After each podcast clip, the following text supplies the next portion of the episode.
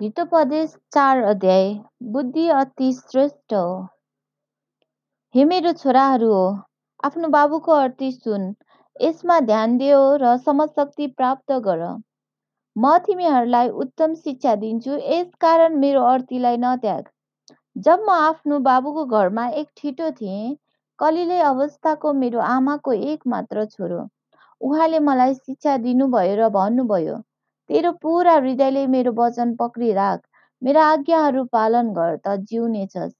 बुद्धि प्राप्त गर समशक्ति प्राप्त गर। मेरो वचनहरू नबिर्सी र तिनीहरूबाट तर्किएर नजा।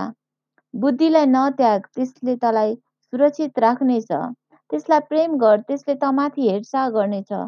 बुद्धि अति श्रेष्ठ हो त्यसलाई त्यसैले बुद्धि प्राप्त गर। तँसँग भएको सबै कुराले मूल्य चुकाउनु परे तापनि समशक्ति प्राप्त गर।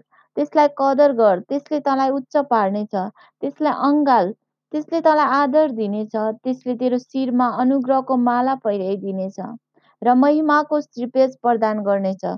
सुन हे मेरो छोरा मैले भनेको कुरा ग्रहण गर र तेरो जीवन दीर्घायु हुनेछ। म तँलाई बुद्धिको बाटो सिकाउँछु ठिक बाटोमा डोर्याउँछु तँ हिँड्दा तेरा पाइलाहरू अड्कने छैनन्। त दगुर्दा लरबरिने छैनस्। अर्थीलाई समाति राख त्यसलाई उम्कन नदे। त्यसलाई राम्ररी पालन गर किनभने त्यो तेरो जीवन हो।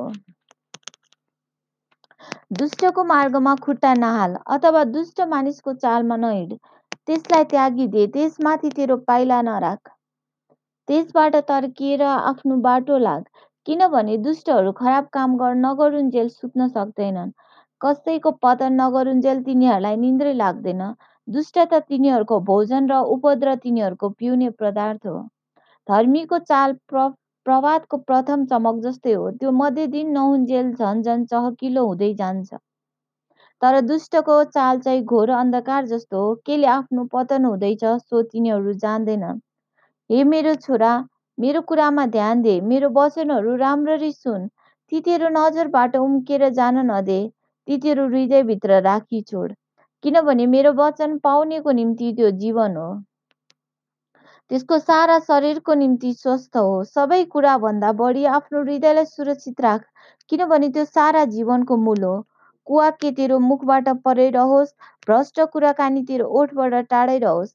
तेरो आँखाले तेरो अघि सिधा हेरोस् तेरो अघिल्तिर सोझै एकटक लगाएर हेरोस्। तेरो पाइला चाल्नलाई नैतिकताको मार्ग तयार गर। र ती मार्गहरू मात्र अपना जुन निश्चित छन्। दाहिने र देब्रेतिर नलाग। सबै कुरा दुष्ट कुराहरूबाट आफ्नो खुट्टा अलग राख। अमेन